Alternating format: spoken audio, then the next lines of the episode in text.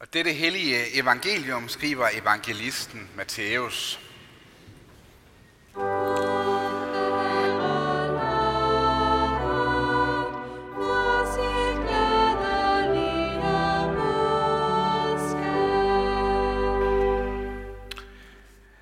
Da gik farisæerne hen og besluttede at fange Jesus i ord.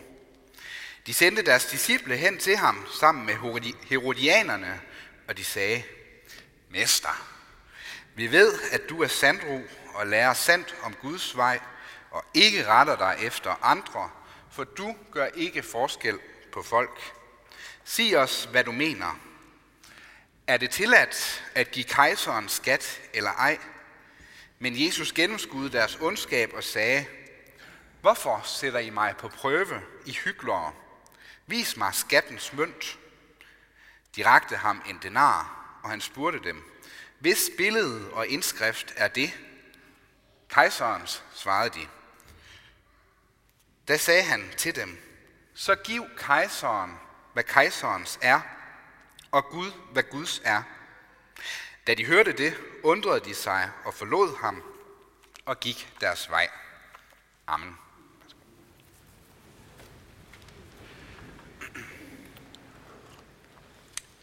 I politik, der sker der indimellem noget af sådan nogle øh, store kovendinger, kan man vist roligt sige.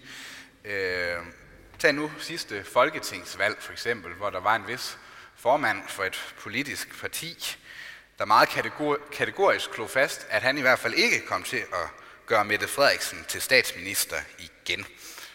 Og det er jo sådan, at man kan have et standpunkt, indtil man tager et nyt, og det skal sådan set ikke ligge den tidligere formand til last. Men det gik jo sådan, at tidligere arvefjender og modstandere, konkurrenter, Socialdemokratiet og Venstre, ja, de kunne pludselig finde ud af at slå pjalterne sammen og finde en fælles retning, i hvert fald hvad angår regeringsmagten. Hvorfor kunne de nu lige pludselig det? Jo, jeg tror for os mennesker, der findes der ikke noget stærkere der kan binde os sammen, end det at have en fælles fjende. Sidste folketingsvalg, der husker vi godt, hvad den fælles fjende det var. Det var selvfølgelig krigen i Ukraine med den økonomiske rutsjebanetur ned i Mørkets Dal, som vi alle sammen troede, vi ville ende ud i. Så kunne de finde sammen. Fjender, der pludselig kunne stå skulder ved skulder, koste hvad det koste vil, og det kan vi finde i et utal af forskellige øh, konstellationer, ikke kun politisk, men i så mange andre henseender. Og det kan jo være enormt positivt. Det kan også være enormt negativt. For hvad hvis nu man får udråbt en forkert fjende, eller opfattet noget som en trussel, der så viser sig faktisk ikke at være en trussel?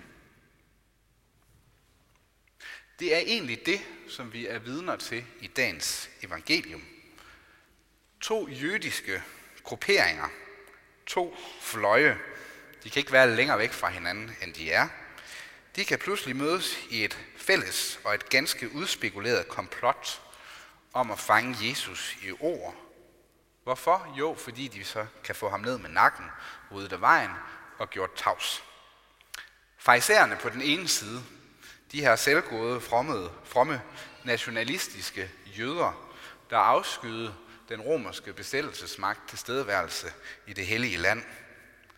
Herodianerne på den anden side, jøder, som var positivt stemt over for den romerske kejser og besættelsesmagt. Altså to meget forskellige grupperinger. Det vil, vil næsten svare til øh, under krigen i 40'erne, at øh, modstandsfolk og værnemager pludselig kunne finde fælles fodslag i et eller andet. Men de kommer altså til Jesus med et godt spørgsmål. For det er et godt spørgsmål, de stiller. Sig os, sådan lidt slæsk, du gode mester, er det tilladt at betale skat til kejseren? Et sådan rimeligt kildens spørgsmål på den tid. Især blandt farisæerne og herodianerne. For de var ikke enige. Herodianerne sagde ja, farisæerne sagde nej. Uagtet hvad man nu sagde ja eller nej til, så var virkeligheden den, at man var tvunget til at betale en særlig personskat til kejseren, uanset. Ydmygende for et folk, der er besat selvfølgelig. Men der lå jo også en religiøs problematik oveni, for skattens mønt var præget af et billede af kejser Tiberius, og indskriften lød, Tiberius Caesar, den guddommelige Augustus søn. Det var der mange jøder, der ikke kunne være med på, for at sige det mildt. Det var ren og skær Guds bespoldelse. Men hvorfor er det, det er et klogt spørgsmål, de stiller Jesus?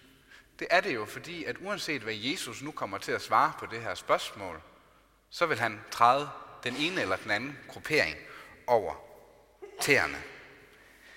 Siger han ja til, at man siger han nej til at betale skat til, fej, til øh, kejseren, så øh, kommer fejserne og deres venner efter ham for Guds bespottelse og forræderi. Siger han ja, så er det herodianerne, der bliver, nej, vrøvl og sluder omvendt. Siger han ja, så er det fejserne, der kan komme efter ham og anklage ham for Guds bestolelse og forræderi, og siger han nej, så er det herodianerne. Og de har gode øh, venner i besættelsesmagten, og så kan man jo af den vej lukke munden på ham på den ene eller den anden måde. Men Jesus var altså ikke født i går.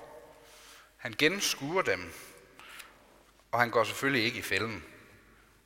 Fordi det spørgsmål, de stiller, det er ikke et ja-nej-spørgsmål. Det er ikke et enten-eller spørgsmål. Det er et både og spørgsmål. Men inden Jesus han udlægger det, så anklager han dem jo for at være hyklere. Hvorfor gør han det?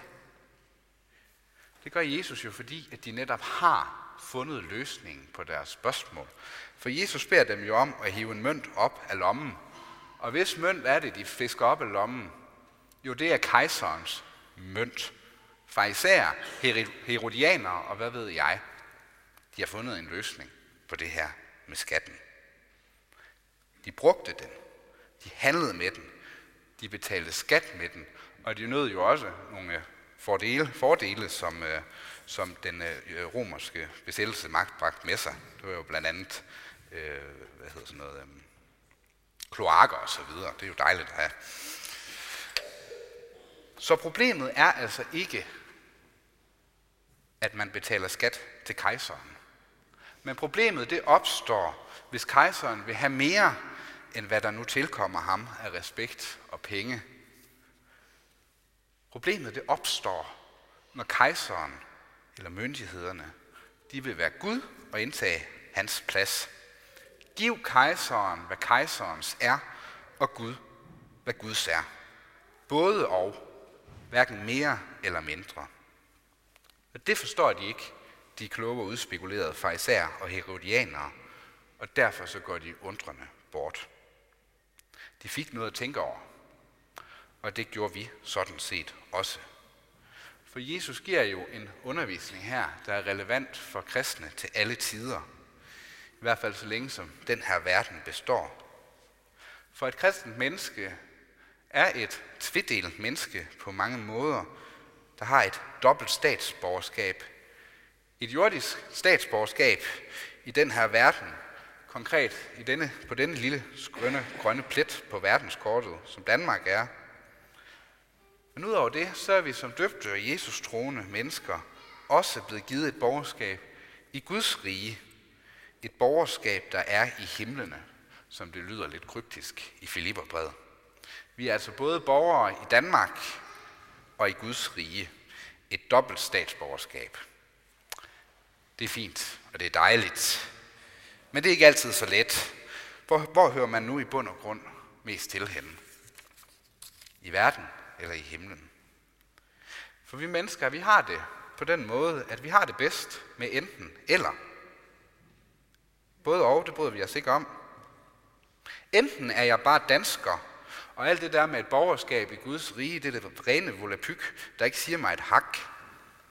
Eller også så er jeg borger i Guds rige, og derfor lever jeg, om jeg så vil sige, på en lille svævende sky, uden jordforbindelse og jordkontakt til den verden, jeg lever i. Begge dele er lige forkerte og modsiges i dag af Jesus. Den danske filosof og teolog Søren Kierkegaard skriver i et af sine hovedværker, der hedder Enten eller, et øh, meget sigende citat omkring det. Det gælder om at leve i evigheden, og dog stadig høre stueuret slå. Han kunne også have sagt, de kejseren med kejserens er, og Guds hvad Guds er. Sagt på en anden måde, så har vi altså til opgave at lære den vanskelige balancegang, det er med de her to statsborgerskaber. Lad os tage det jordiske statsborgerskab først. Hvad indebærer det? Hvad er det, vi skal give kejseren, eller myndighederne, som det jo er i dag? Jeg vil pege på tre ting. Den første ting, vi skylder, det er vores lydighed imod landets love. Det er det, Paulus han stod fast for os med syvtommer søm i den læsning, vi hørte lige før. Hvis vi bilder os ind, at Gud han er ligeglad med, at der ryger øh, sorte penge for det nyopsatte hegn hjemme i haven, så bilder vi os noget ind. Det er han ikke. Vi skal underordne os under vores myndigheder. Vi skal betale den skat, vi er skyldige. I det hele taget leve et liv, så der ikke er en finger at sætte på det i forhold til vores myndigheder. Myndighederne er forordnet, og de er villet af Gud. Det betyder, at vi er pligtige til at følge landets love, ikke snyde og bedrage, og ellers så afspejle den Gud, som vi nu repræsenterer. Så betyder det også for det andet, vi skal bede for vores myndigheder og for vores øvrighed om ordentlige, sandtro og retfærdige myndigheder – og helt specifikt for dem, der er betroet magt og ansvar og indflydelse i vores samfund. Dronningen, selvfølgelig, politikerne i Folketinget, regionsrådet, byrådet osv. Det er et alvorligt, vigtigt og godt arbejde, de her mennesker de har påtaget sig. Dem skylder vi at bede for. Vi skylder vores samfund at bede for det. For det tredje, så skal vi ture at blande os i det samfund, vi lever i. At tænde lys, der hvor der er mørkt. At kaste salt, der hvor forrådnelsen og fordavet er ved at tage overhånd. Akkurat ligesom profeten Amos, vi hørte før, han turde håbe op, da Israels folk trampede de fattige og hjælpeløse under fod. Det sker også i dag i vores samfund, at vi tramper mennesker under fod. Det gør vi lige så snart vi afskaffer de gudsriges værdier, som vi finder i Guds ord, og som vores samfund er bygget på. Her har vi en pligt til at protestere. For eksempel, når vores samfund vil gøre sig til herre over liv og død, enten det så er i livets begyndelse eller i livets afslutning. Her må vi som kirke faktisk gerne være små, irriterende sten i skoen, der trykker og irriterer de rigtige steder. Ikke på sådan en bedrevidende og fordømmende måde, men som en måde, der hjælper til at få stoppet op og sagt, er det nu det, vi her vi vil? Hvis ingen åbner munden, så er der ingen, der stopper op. Vi skal ture som kristne og åbne vores mund i kærlighed og i sandhed, uden fordømmelse. Det var det, vi skulle give til vores myndigheder. Hvad er det så, vi skal give Gud? Hvad er Guds i det hele taget? For Jesus trækker jo en grænse. Der er noget, som vi ikke skal give vores myndigheder, selvom de indimellem gør krav på det. Øh, for tiden så hører man øh, ofte en politiker udtale noget i retning af, at Gud har vigepligten for det ene og for det andet. Og det er som om, man i visse kredse har besluttet sig for, at det her med Gud og kristendom og kristen tro, det er sådan en ting, der står for undertrykkelse og ødelæggende for enhver form for fremskridt i vores samfund. Gud står under grundloven, som om at vores grundlov er et fuldkomment og ufejlbarligt dokument, der er faldet ned for de himmelske fale, i hvert fald ind til næste revision af det. En sådan tankegang er fremmed for en kristen.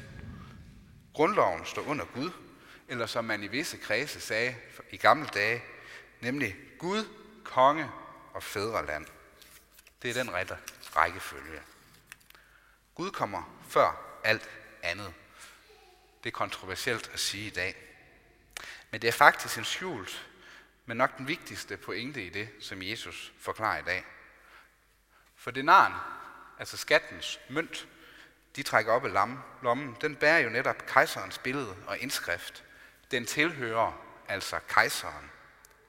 Så må vi spørge os selv, hvad bærer egentlig Guds billede og indskrift på sig? Hvis man ellers kender lidt til den bibelske historie, så er der et klart svar på det. Det gør vi. Os mennesker.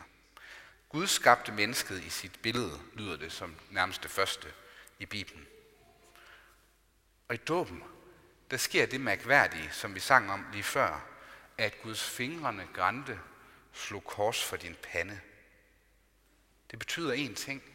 Vi bærer Guds billede i os, og når vi bliver døbt, så præges vi med korsets mærke. Det er et vidnesbyrd om, hvem vi som døbte og kristne mennesker netop tilhører først og fremmest. Den korsfæstede opstandende Herre og frelser Jesus Kristus. Vi tilhører altså Gud, og ham skylder vi mere, end vi nogensinde kommer til at skylde nogen andre. Ham skylder vi selve livet, rup og stup. Så hvad betyder det? Jo, det er, at vi retter os efter hans ord, elsker ham med alt, hvad vi er, og vores næste som os selv. Det er det bud, hele molevitten opsummeres i.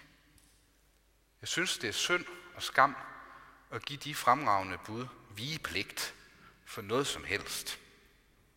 Hos Gud henter vi vores kraft og inspiration til at leve livet i hverdagen, sådan at vi giver Gud det, der er hans, og selv vores liv, og så giver vi kejseren, hvad han har krav på, lydigheden, forbøn og engagementet i samfundslivet. Det er ikke et enten eller. Det er et både og. Ære være faderen og sønnen og helligånden, sådan som det var i begyndelsen, således også nu og altid og i al evighed. Amen. Og en kort info øh, vedrørende nadvåren, så er det, at det er kontinuerlig aldergang. Der står bære hernede øh, ved siden af øh, trappen op til øh, knæfaldet, og så øh, knæler man den tid, man har brug for. Man skal ikke vente på, at der bliver afsluttet. Det har vi prøvet mange gange før, så det skal vi nok kunne finde ud af alligevel. Godt. Vi vil rejse os, og så vil vi med apostlen tilønske hinanden. Hvor Herre Jesu Kristi nåde, Guds, vor Fars kærlighed og Helligåndens fællesskab være med os alle. Amen.